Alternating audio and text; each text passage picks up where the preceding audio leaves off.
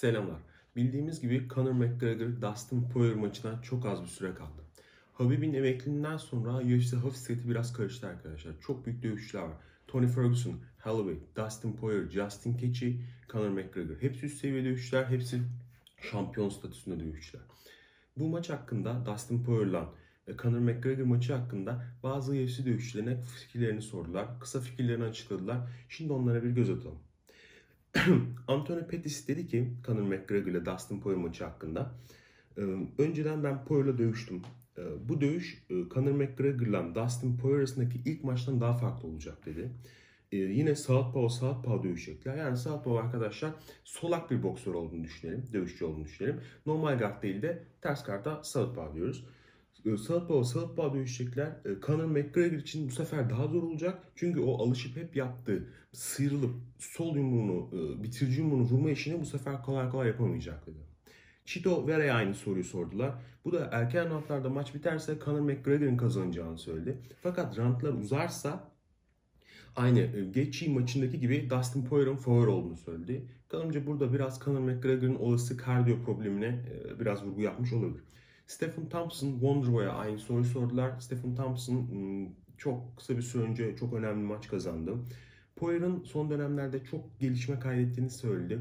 2014'teki Poirier McGregor maçından farklı olacağını söyledi. Ama Conor McGregor'ın son zamanlarda çok maç yapmamasına rağmen onun ömür boyu bir savaşçı olduğunu söyledi. Lifetime Martial Artist olarak adlandırdı. Ve e, son zamanlardaki fazla maç yapmasına rağmen Conor McGregor'ın yine kazanacağını çünkü onun her zaman hazır olduğunu söyledi. Arkadaşlar McGregor son 4 yılda sadece 3 tane maç yapabildi.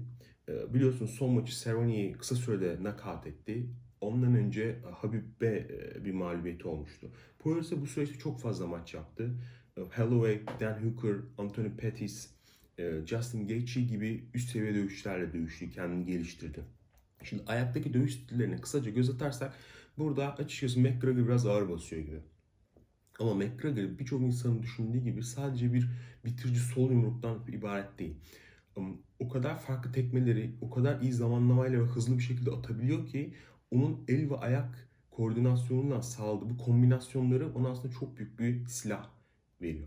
Özellikle Dustin Poirier'ın son Dan Hooker maçına bakarsak özellikle ilk roundda Dan Hooker çok rahat bir şekilde Dustin Poirier'a low kick vurdu. Buradan bayağı bir puan aldı biraz başına dert açtı.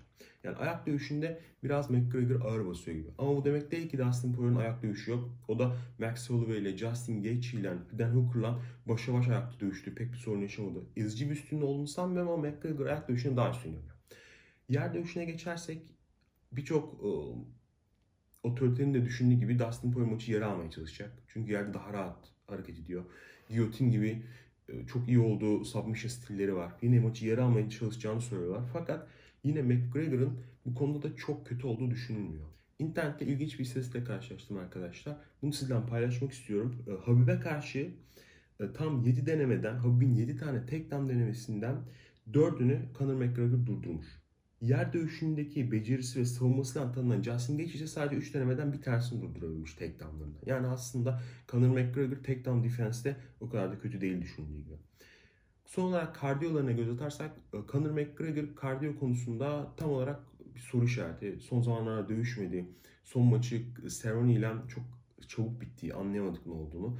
Şey Dustin Poirier bunun yanında son zamanlarda Dustin Poirier kendini daha çok geliştirdi. Kardiyosunun daha iyi olması bekleniyor. Zaten diğer UFC dövüşçülerin yorumları genelde bu yönde yani. Son roundlara doğru maç uzarsa Dustin Poirier'ın daha avantajlı olduğunu düşünüyorlar.